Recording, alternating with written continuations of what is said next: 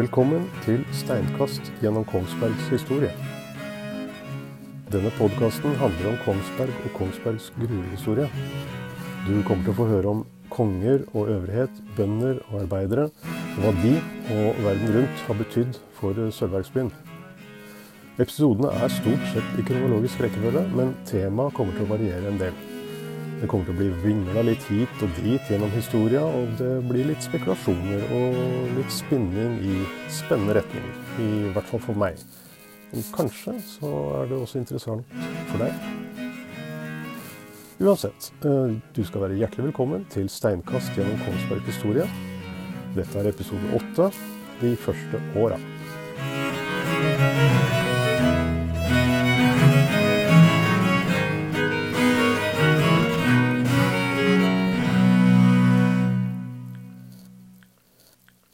I 1623 ble to bønder fra Sandsvær pågrepet av myndighetene for å ha solgt sølv ulovlig i Skien. De hadde antagelig i lang tid henta sølv fra en ås nord for bygda de bodde i, i et område der bøndene hadde setrer de brukte om sommeren. Sannsynligvis var ikke de de eneste som gjorde det heller. Staten, eh, dvs. Si kongen og riksrådet, tok kommandoen og satte i gang med undersøkelser utover i 1623. Og I 1624 tok kong Kristian 4. seg fri fra den europeiske storpolitikken og dro på befaring. Og funnet var virkelig rikt og lovende. I tillegg til funngruva så hadde det utover i 1623 blitt satt i gang drift i enda tre forekomster til. Tre forekomster som lå ganske langt borte fra eh, hverandre og fra originalfunnet. Det var tydelig at det fantes mye sølv i området, og at det i hvert fall måtte undersøkes grundig av fagfolk. Bergkyndige fantes det allerede.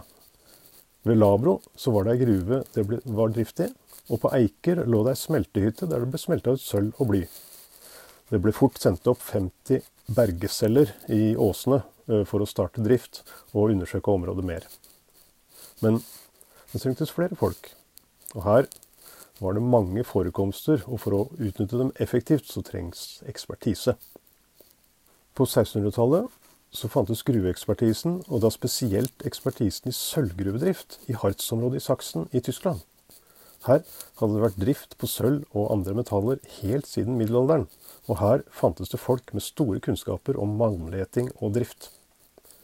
Kammersekretæren i Danmark-Norge, Friedrich Günther, ble sendt dit av kongen for å be om tillatelse fra hertugen av Braunschweig, Fredrik Ulrik. Eh, Fredrik Ulrik sin mor var Elisabeth av Danmark, og Elisabeth av Danmark det var Kristians storesøster, så kongen spurte da i praksis sin egen nevø eh, om tillatelse til å rekruttere 30 mann. Hertugen sa ja. Selvfølgelig, onkel. Det er greit og 30 mann ble på kort tid rekruttert.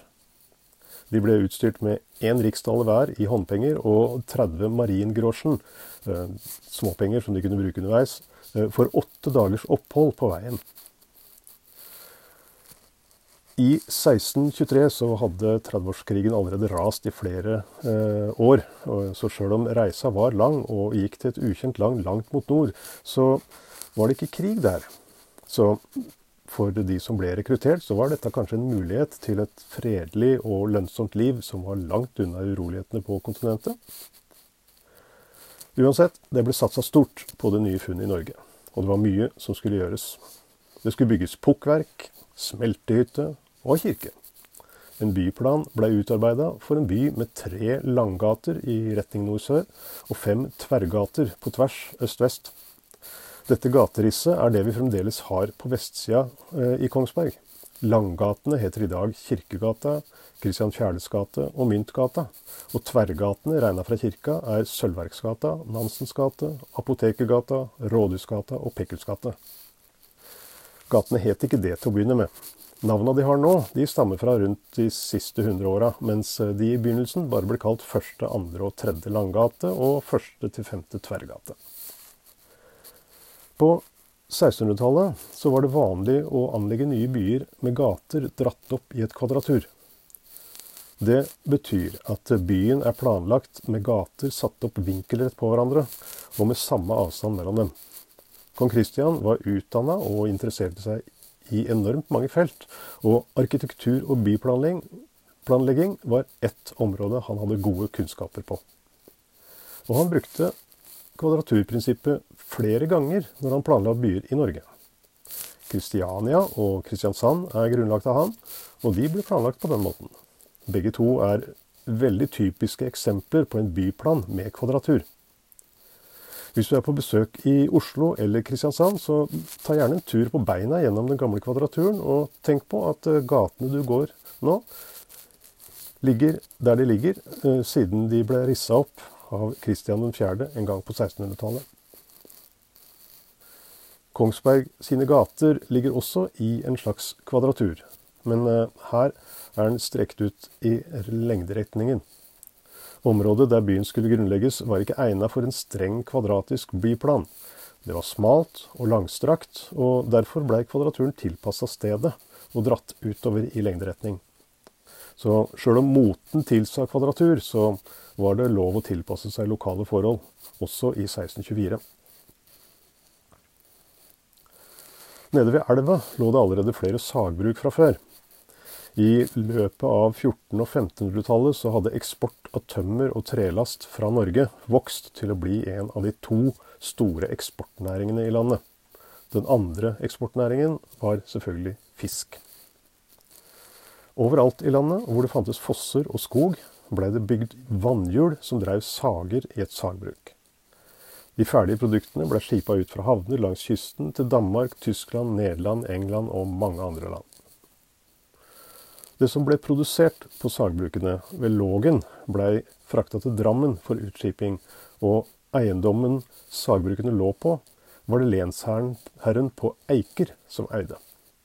Det var altså allerede bånd mellom Sandsvær eh, inn til i hvert fall Vestfossen. En, en, vei det var mulig å kjøre trelast på. Eh, allerede før Christian ga beskjed om at det skulle anlegges en ny vei. Men mens kongen trakk en strek på kartet og valgte korteste vei mellom Vestfossen eh, På 1600-tallet så ble Vestfossen bare kalt for Fossen. Til den nye byen ved Sølvfunnene. Så lå nok gamleveien til Vestfossen en del lenger sør. Fra Skålenborg går det et dalføre østover som havner til, eh, i Fiskumvannet til slutt, og Vestfossen. Og en vei her gjør det ganske enkelt å frakte trelast til Fiskumvannet, i hvert fall. Og derfra kan det fløtes til Vestfossen og Drammen, enten direkte i vannet eller på eh, båter. Men den nye veien skulle gå rett fra Vestfossen og til den nye byen. Den skulle gå gjennom skogen, klatre opp en ås, og så bratt nedover til fossen rett ved sida av der Konningsberg skulle ligge. Lensherren til Eiker Hartvig Huitfeldt fikk beskjed om at han måtte sørge for at bøndene hjalp til med å bygge opp verket, både med materiell og arbeid, og med å frakte varer og malm. Slik var vanlig eh, rundt omkring på andre gruveanlegg, både i Norge og andre land. Og bøndene ble pålagt pliktarbeid for det nye verket. I en tid der det ikke fantes eh, verken egne transportbedrifter, veivesen eller entreprenører, så var dette måten å få utført anlegg og transportarbeid utafor byene. De som hadde hester, vogner og verktøy, var bønder. Og de ble kommandert av kongen for å jobbe for sølvverket. Og det var mye som skulle gjøres, i tillegg til å bryte berg og grave fram sølvmalm. Det skulle fraktes tømmer til sagbruk, materialer til husbygging, veier skulle bygges og utvides, malm skulle kjøres fra gruvene til nærmeste smeltehytte, og ferdig smelta sølv skulle fraktes til Bragernes for så å bli seilt til København og kongens skattkamre. Bøndene i Norge og i andre land eh, hadde alltid vært skeptisk til gruver og gruvedrift. Og sjøl om det hadde vært gruvedrift lenge i Sandsvær allerede, så var metall i bakken både mystisk og skremmende for folk flest. Da Arne Werp reiste rundt for å selge sølv i 1623, så uh, sa han, da han ble spurt, uh, kalt for uh, dragesølv. Dette var dragesølv. Sølv som han hadde funnet i bordet til en drage som bodde under fjellet. Og den som stjeler fra drager, den kan vinne mye på det, men det kunne også straffe seg. Dragesølv kunne bringe ulykke og vanskeligheter for den som innlot seg med den slags. I tillegg så er det også spørsmål om tid og krefter for en bonde. Det å dyrke jord og, og røkte dyr i et karrig og kaldt land er arbeidskrevende. Nå skulle det altså pålegges han enda mer arbeid. Fra før hadde gården arbeidskraft nok til å skaffe mat på bordet og klær til de som bodde der. Arbeidskrafta er så stor som den må være, og utbyttet av arbeidet gir nok til et liv for de som jobber der, i tillegg til det kongen skal ha i skatter og avgifter. Folk og fe strever det de kan for å leve og overleve fra år til år. Og så kommer øvrigheta og sier at nå må alle jobbe litt ekstra for konge og sølvverk. Sjøl om det var betalt arbeid, så er det ikke bare å ansette en ny gårdsgrutt for å utføre ekstrajobben. Størrelsen på merarbeidet som ble lagt på gårdene, ble satt etter hvor stor gården var. De største gårdene ble kalt for fullgårder. Eh, dette var gårder som hadde minst 58 mål åker og nok beite til å fø minst 16 kuer, og som trengte ekstrahjelp fra ansatte, altså tjenere. Den neste gårdsstørrelsen ble kalt halvgårder. De skulle ha minst 14,4 mål åker og kunne fø minst fire kuer, og ble for det meste drevet av bonden sjøl og familien hans. Halvparten av det igjen ble kalt for ødegård. I 1628 ble pliktarbeidet for bøndene i Numedal satt sånn. Hver fullgård skulle yte Tolv koster kullved for 48 skilling per kost levert. En kost det er et eh, gammelt mål, og det tilsvarer omtrent 8 kubikkmeter ved for kullbrenning. Eh, litt usikkert, men det tilsvarer sånn omtrent 3,33 favner ved. Eh, tolv koster blir da sånn omtrent 40 favner ved. Eller mer visuelt, en stabel med 60 cm lange vedkubber stabla to meter høyt, 80 meter bortover. Om vinteren skulle de kjøre tolv tønner sølverts fra gruvene til smeltehytta for ti skilling per tønne. En tønne var også et bestemt rommål som varierte ettersom hvilken vare det var snakk om. Generelt tilsvarte en tønne omtrent 140 liter, mens en tønne malm var 250 liter og veide nesten et halvt tonn. Tolv tønner skulle da bli omtrent seks tonn sølvmalm som skulle fraktes fra åsen til smeltehytta. Hver halvgård skulle da bidra med sju koster kullved, 24 favner, eh, vedstabel på 48 meter.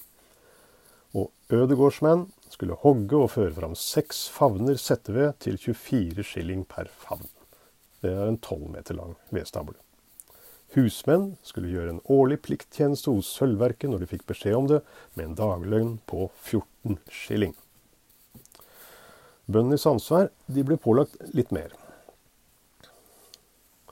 Hver fullgård skulle yte ti koster kullved til 48 skilling per kost, seks favner setteved til ti skilling per favn, kjøre tolv tønner sølverts til smeltehytta hver vinter til ti skilling per tønne, kjøre 20 tønner kobbererts til kobbersmeltehytta til fire skilling per tønne, skaffe seks tønner leire til smeltehytta på Kongsberg til seks skilling per tønne, og skaffe to tønner leire til kobbersmeltehytta til 20 skilling per tønne.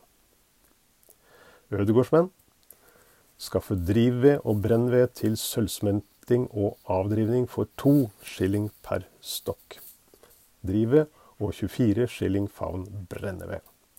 Og husmenn gjør en årlig plikttjeneste hos Sølvverket når de fikk beskjed om det, med en daglønn på 14 skilling. Dette var mye mål og gamle mål og gamle myntenheter. Men hvor mye kunne en bonde tjene sånn i løpet av et år med pliktarbeid? En fullgård i Novedal ville da få, hvis de oppfyller hele arbeidsplikta si, 12 ganger 48 skilling pluss 12 ganger 10 skilling, altså 696 skilling på et år. Det tilsvarer da 58 riksdaler.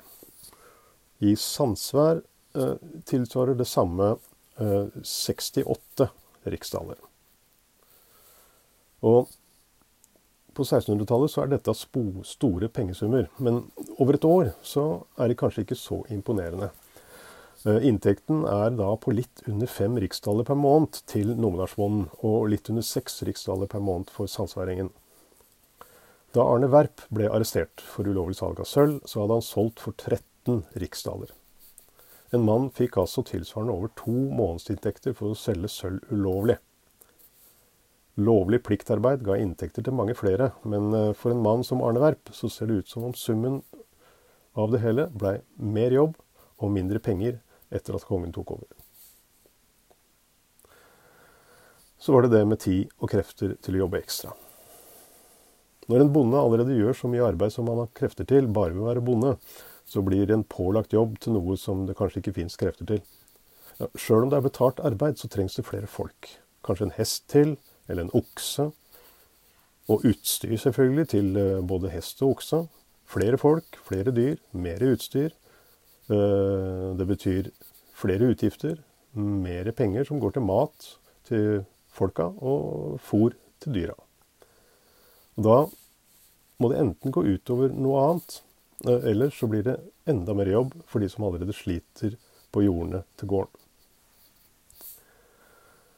Med andre ord, Bøndene var ikke ivrig i plikttjenesten av mange grunner, og i Norge så hadde bøndene vært vant til å styre seg sjøl, uten for mye innblanding fra øvrigheta.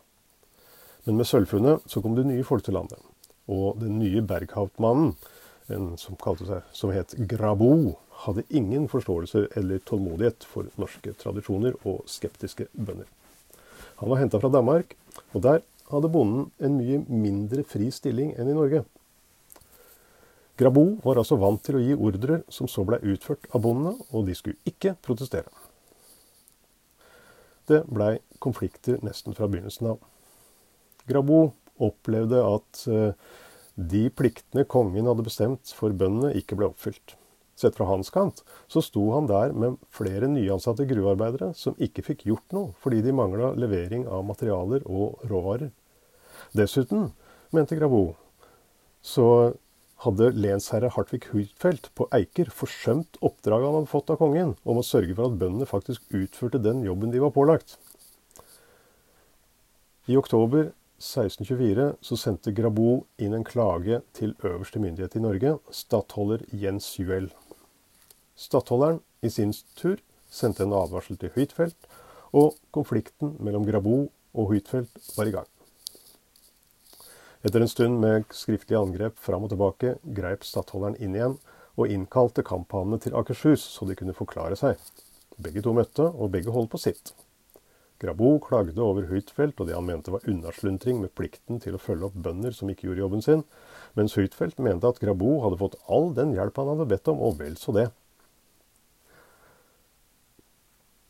Men hvis vi ser litt bak den åpenbare konflikten, så kan det kanskje hende at Kristian uh, 4. også har uh, lagt litt grunnlag for at uh, det nå ble krangla mellom de to mennene.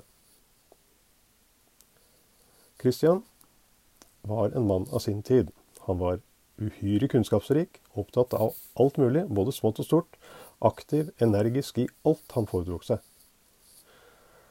Men en skyggeside som han hadde, var at han hadde liten tillit til at andre enn han sjøl kunne gjennomføre de prosjektene og planene han la. Hvis ikke han sjøl passa på, så hadde han mer enn gang, en gang opplevd at folk ikke gjorde det de skulle så snart han var reist hjem til København igjen. Til og med Riksrådet, som skulle være de som støtta og hjalp ham i jobben med å styre to kongeriker, var i beste fall passive tilskuere til kongens prosjekter, og i verste fall motarbeida de ham aktivt så mye de kunne. Kristians tillit til de eksisterende maktstrukturene var ikke særlig stor. Med det som utgangspunkt er det veldig forståelig at han ansetter en helt fremmed og ny mann til å være øverste sjef for det nye sølvverket. I tillegg så ga han ham tittelen Berghauptmann i Norge. Adolf Fredrik Grabo hadde før dette her vært overarkelimester i København. Arkeli betyr artilleri, så overarkelimester, det er han som hadde ansvaret for vedlikehold og oppbevaring av kongens kanoner, kuler og krutt. I tillegg til det så hadde han vært visepresident i Det ostindiske kompani. Handelskompaniet Christian hadde vært med på å grunnlegge i 1616. Christian stolte på Grabo, og hadde gitt ham tilliten og oppgaven med å få etablert det nye sølvverket i Norge. Og dette er en definitivt forbigåelse av, av den forrige Berghauptmannen i Norge. Og hvem var det? Jo, det var lensherre til Eiker Hartvig Huitfeldt. Som Gravbo raskt fikk problemer med. Huitfeldt hadde blitt utnevnt til berghauptmann av Christian i 1620, bare fire år før, og fikk altså ikke beholde den stillingen. Årsaken eh, kan som sagt skyldes å være kongens trang til å ha full kontroll over virksomhet og hans skepsis til gamle maktstrukturer. Kristian kunne ikke være personlig til stede hele tida og styre mm, alt som foregikk. Han hadde prosjektet gående i Tyskland, så han satte inn en mann han kjente og stolte på. Så konflikten med de gamle maktstrukturene Kristian hadde vært i konflikt med siden han tok styringen av de to kongerikene, kunne jo sikkert i seg sjøl vært grønn nok til at han gjorde som han gjør. Men det er et par ting til jeg syns uh, svekker tilliten kongen hadde til lensherre Huitfeldt enda litt. For det første, sølvet, sølvfunnet, det var i lenet til Huitfeldt. Dvs. Si området han hadde ansvar for. I praksis og i virkeligheten på 1600-tallet eiendommen hans. Så et spørsmål er jo hvordan Huitfeldt hadde unngått å finne forekomsten sjøl. Åsen var kanskje et stykke unna gårder og bebyggelse, men bøndene hadde setrene sine der, og de var i bruk i sommerhalvåret. Under åsen, ved fossene i Lågen, så hadde det lenge vært drift i flere sagbruk. Og En viss aktivitet var det her, så sjøl om området var usentralt, og kanskje ikke midt i bygda, så var det ikke helt en fullstendig villsom ørk. I beste fall ser det ut som om lensherre Huitfeldt hadde forsømt jobben som berghauptmann i det som gikk på å lete etter nye metallforekomster. Men hva om den gode Hartvig Huitfeldt kjente til at det fantes sølvforekomster i åsen? Men holdt det hemmelig for å slippe å gjøre noe med det, eller fortsatt ha en viss inntekt sjøl? Det var en sabla uflaks at eh, to uforsiktige og uheldige kompiser ble arrestert for ulovlig omsetning av sølv, eh, hvis det var tilfellet. Dette er ren spekulasjon, selvfølgelig, men uh, vi vet ikke om dette er virkelighet eller ikke. Men kanskje en sånn mistanke kan ligge bak kongens forbigåelse av lensherre Huitfeldt. Uh, men for faktum er at en annen og mer betrodd mann blei ansatt for å bygge opp verket. Uansett så hadde nok Hartvig Huitfeldt god grunn til å føle seg forbigått, men å opponere mot kongen Sånt gjorde man ikke i 1624. Kongen og staten var eh, det samme, og opposisjon mot kongen var høyforræderi, som ble straffa med døden. Lensherre Hartvig Høytfelt holdt munn, og så tida an. Og tidene blei bedre. I hvert fall for lensherren. Konflikten mellom lensherrens bønder og berghauptmann Grabo eh, var som sendt fra himmelen. Og sjøl om Grabo hadde kongens tillit, så viste det seg at lensherre Huitfeldt var en bedre diplomat enn berghauptmannen. Stattholderen i Norge, Jens Juel, klarte ikke å løse konflikten, så han involverte sin overordnede, kongen. I 1624 var kong Kristian opptatt i Holstein med å være protestantenes vern i 30-årskrigen, og var ikke tilgjengelig, så saken ble overtatt av eldste sønn og kronprins prins Kristian. Og igjen ble de to kranglefantene innkalt til møte. Lensherre Huitfeldt møtte opp, men denne gangen så møter ikke Grabo. Det var for mye å gjøre å passe på på verket, påstod han, så han hadde ikke tid til å reise på møte. Prinsen gjorde et nytt forsøk, arrangerte møte og innkalte herrene på nytt. Denne gangen skulle de komme til Kolding i Danmark, prinsens residens. I tillegg ordnet prinsen med avløsning for Grabo, sånn at han kunne reise uten problemer. Men nok en gang Grabo uteblir. Og hvordan er det mulig at Berghaugmann Grabo ikke møter opp når han blir innkalt av en prins? Han har sjansen til å forklare sin side av saken, og hvis jeg holder i det han mener, kan han sørge for at lensherre Huitfeldt blir satt på den plassen han fortjener. Men i stedet for å sørge for å stå på god fot med øvrigheta, så blir han på Kongsberg. Han hadde nok en del oppgaver der, men han må også ha følt at den støtta han hadde fra kong Kristian, ga han en uangripelig posisjon. Tilliten han hadde blitt vist fra Kristian, må ha veid så tungt at han ikke kunne forestille seg at noen skulle rokke ved den. Når sjøl ikke kongens eldste sønn er nok til å få ham til å reise fra anlegget, så ser det ut som om forholdet mellom kong Kristian og Fredrik Grabo har vært et nært og personlig forhold. Berghatmannen stolte på at kong Kristian ikke kom til å tillate at han eller tittelen hans ble rokka ved. Og kanskje hadde han kongens tillit, men Grabo var ingen diplomat og noen maktpolitiker. Det viste seg også at han heller ikke var. Så det var lensherre Huitfeldt som fikk fritt spillerom overfor prins og øvrighet. Og det var noe han visste å benytte seg av. Han fikk anledning til å legge fram saken uten å bli motsagt, og Dessuten så hadde han ett S til oppgjerdet.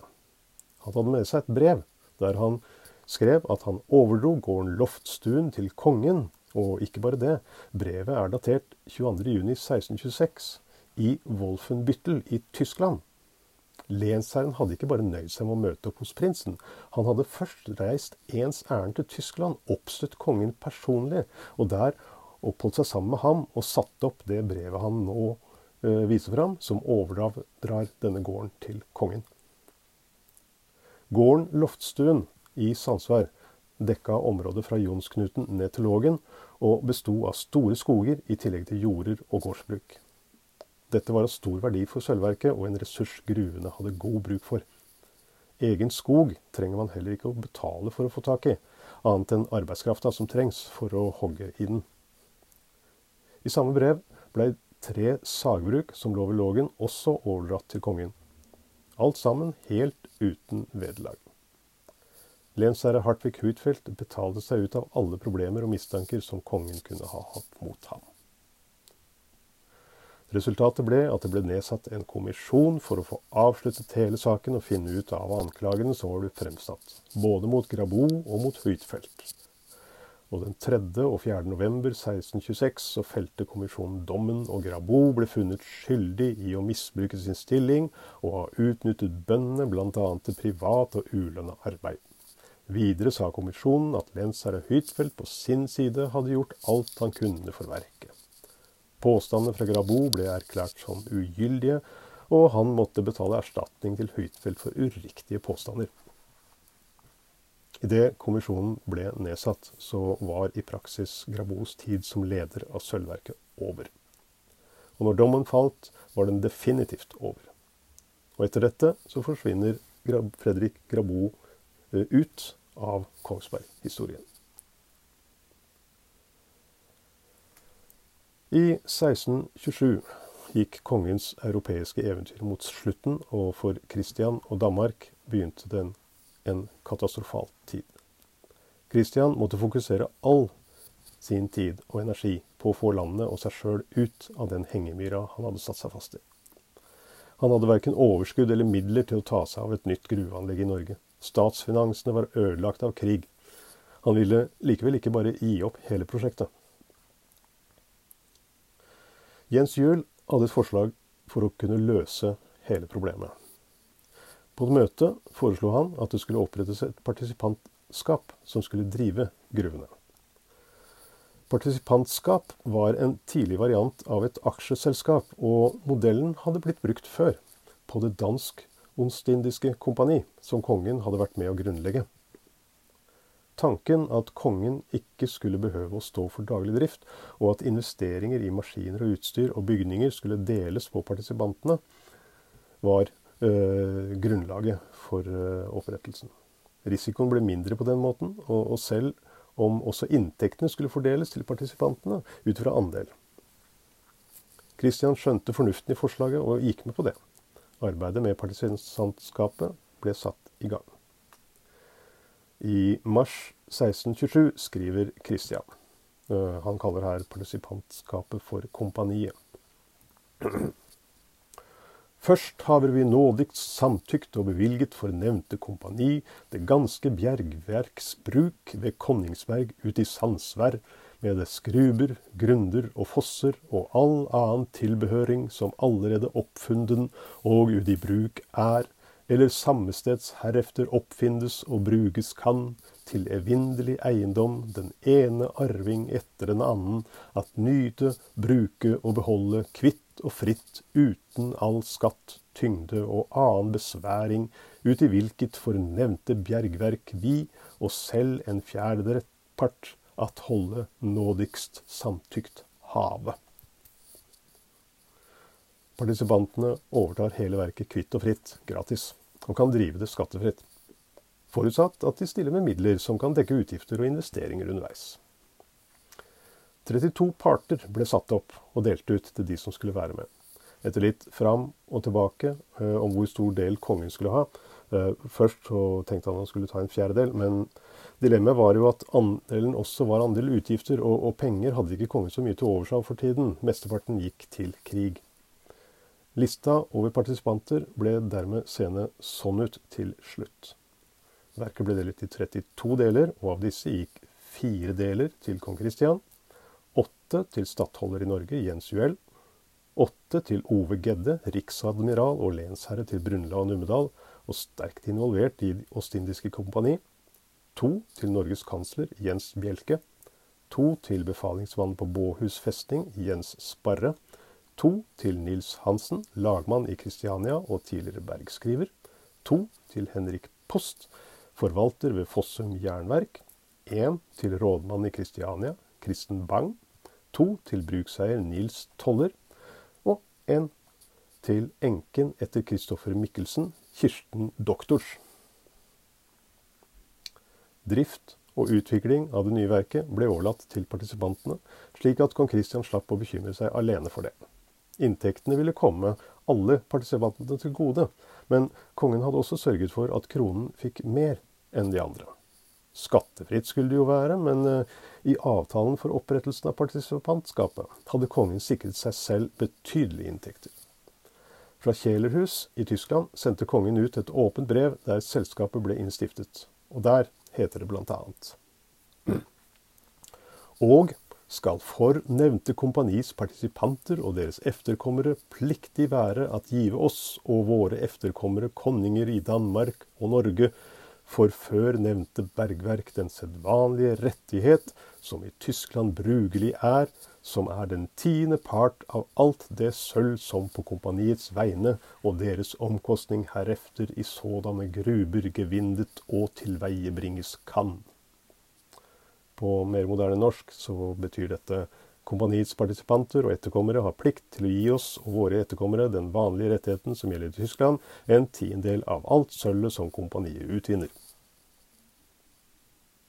Han skal altså ha en tiendedel av alt sølv som ble produsert, rett inn i statskassa. Men det er mer. Videre står det nemlig Derforuden og skulle de til forplikt være at alt det sølv de av forbedemte bruk bekommende vorder oss og våre etterkommere konninger ut i Danmark igjen at selge og opplade, og ville vi denne for hver lødig mark fin lade give åtte riksdaler in specie, hvilket vi denne ved smeltehytten ville lade erlegge så, og der selv sølvet lade annamme. Igjen oversatt.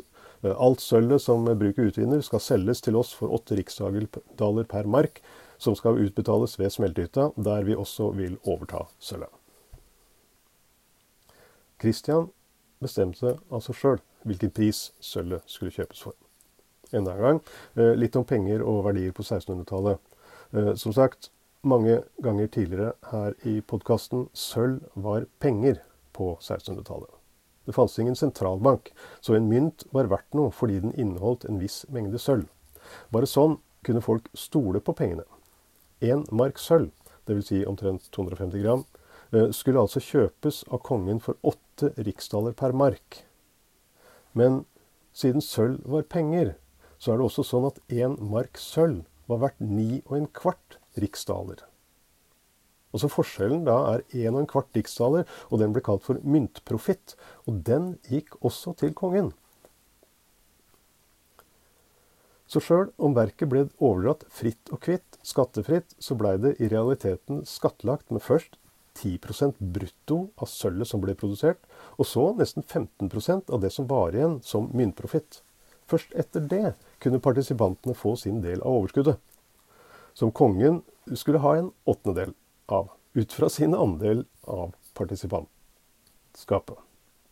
Så sjøl om det ikke var direkte skatter, så blei det skatta til kongen uansett. Sjølve drifta av verket ble overlatt til de andre partisipantene. Stattholder Jens Juel skulle være direktør, og Ove Gedde ble berghauptmann. Men kong Kristian var fremdeles ikke komfortabel med å overlate ledelsen til dem. Mistilliten hans ble ikke borte, så han ga beskjed om at en krigskommissær Samuel Weiss von Schalen skulle ansettes i en høyere stilling ved sølvverket. Kristian hadde enda en gang funnet en ukjent mann for uh, adelen i Norge, men en som han hadde tillit til. Og som forrige gang en mann med militær bakgrunn som hadde deltatt i krigseventyret hans i Tyskland. Denne mannen fikk i oppgave å kontrollere drifta, regne ut 10% til kongen og sørge for at sølvet ble kjøpt for den prisen kongen bestemte, sånn at myntprofitten ble tatt vare på. Dessuten skulle han innkassere på kongens vegne de inntektene han skulle ha som partisipant og medeier. I 1627 er partisipantskapet, eh, altså aksjeselskapet, en realitet. Sølvverk, by og arbeidere er på plass eller i ferd med å komme. Kong Kristian forsøker forgjeves å stoppe general Wallenstein i Tyskland, men blir jagd fra skanse til kanse, skanse helt til hele Jylland er besatt av tysk-romerske tropper. Det ser mørkt ut for konge og Danmark, mens eh, Konningsberg og Sølvverket er i ferd med å bygges opp.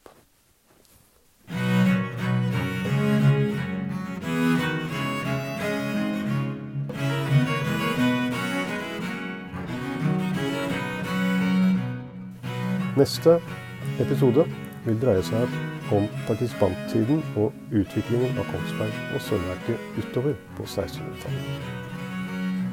Takk for at du hørte på.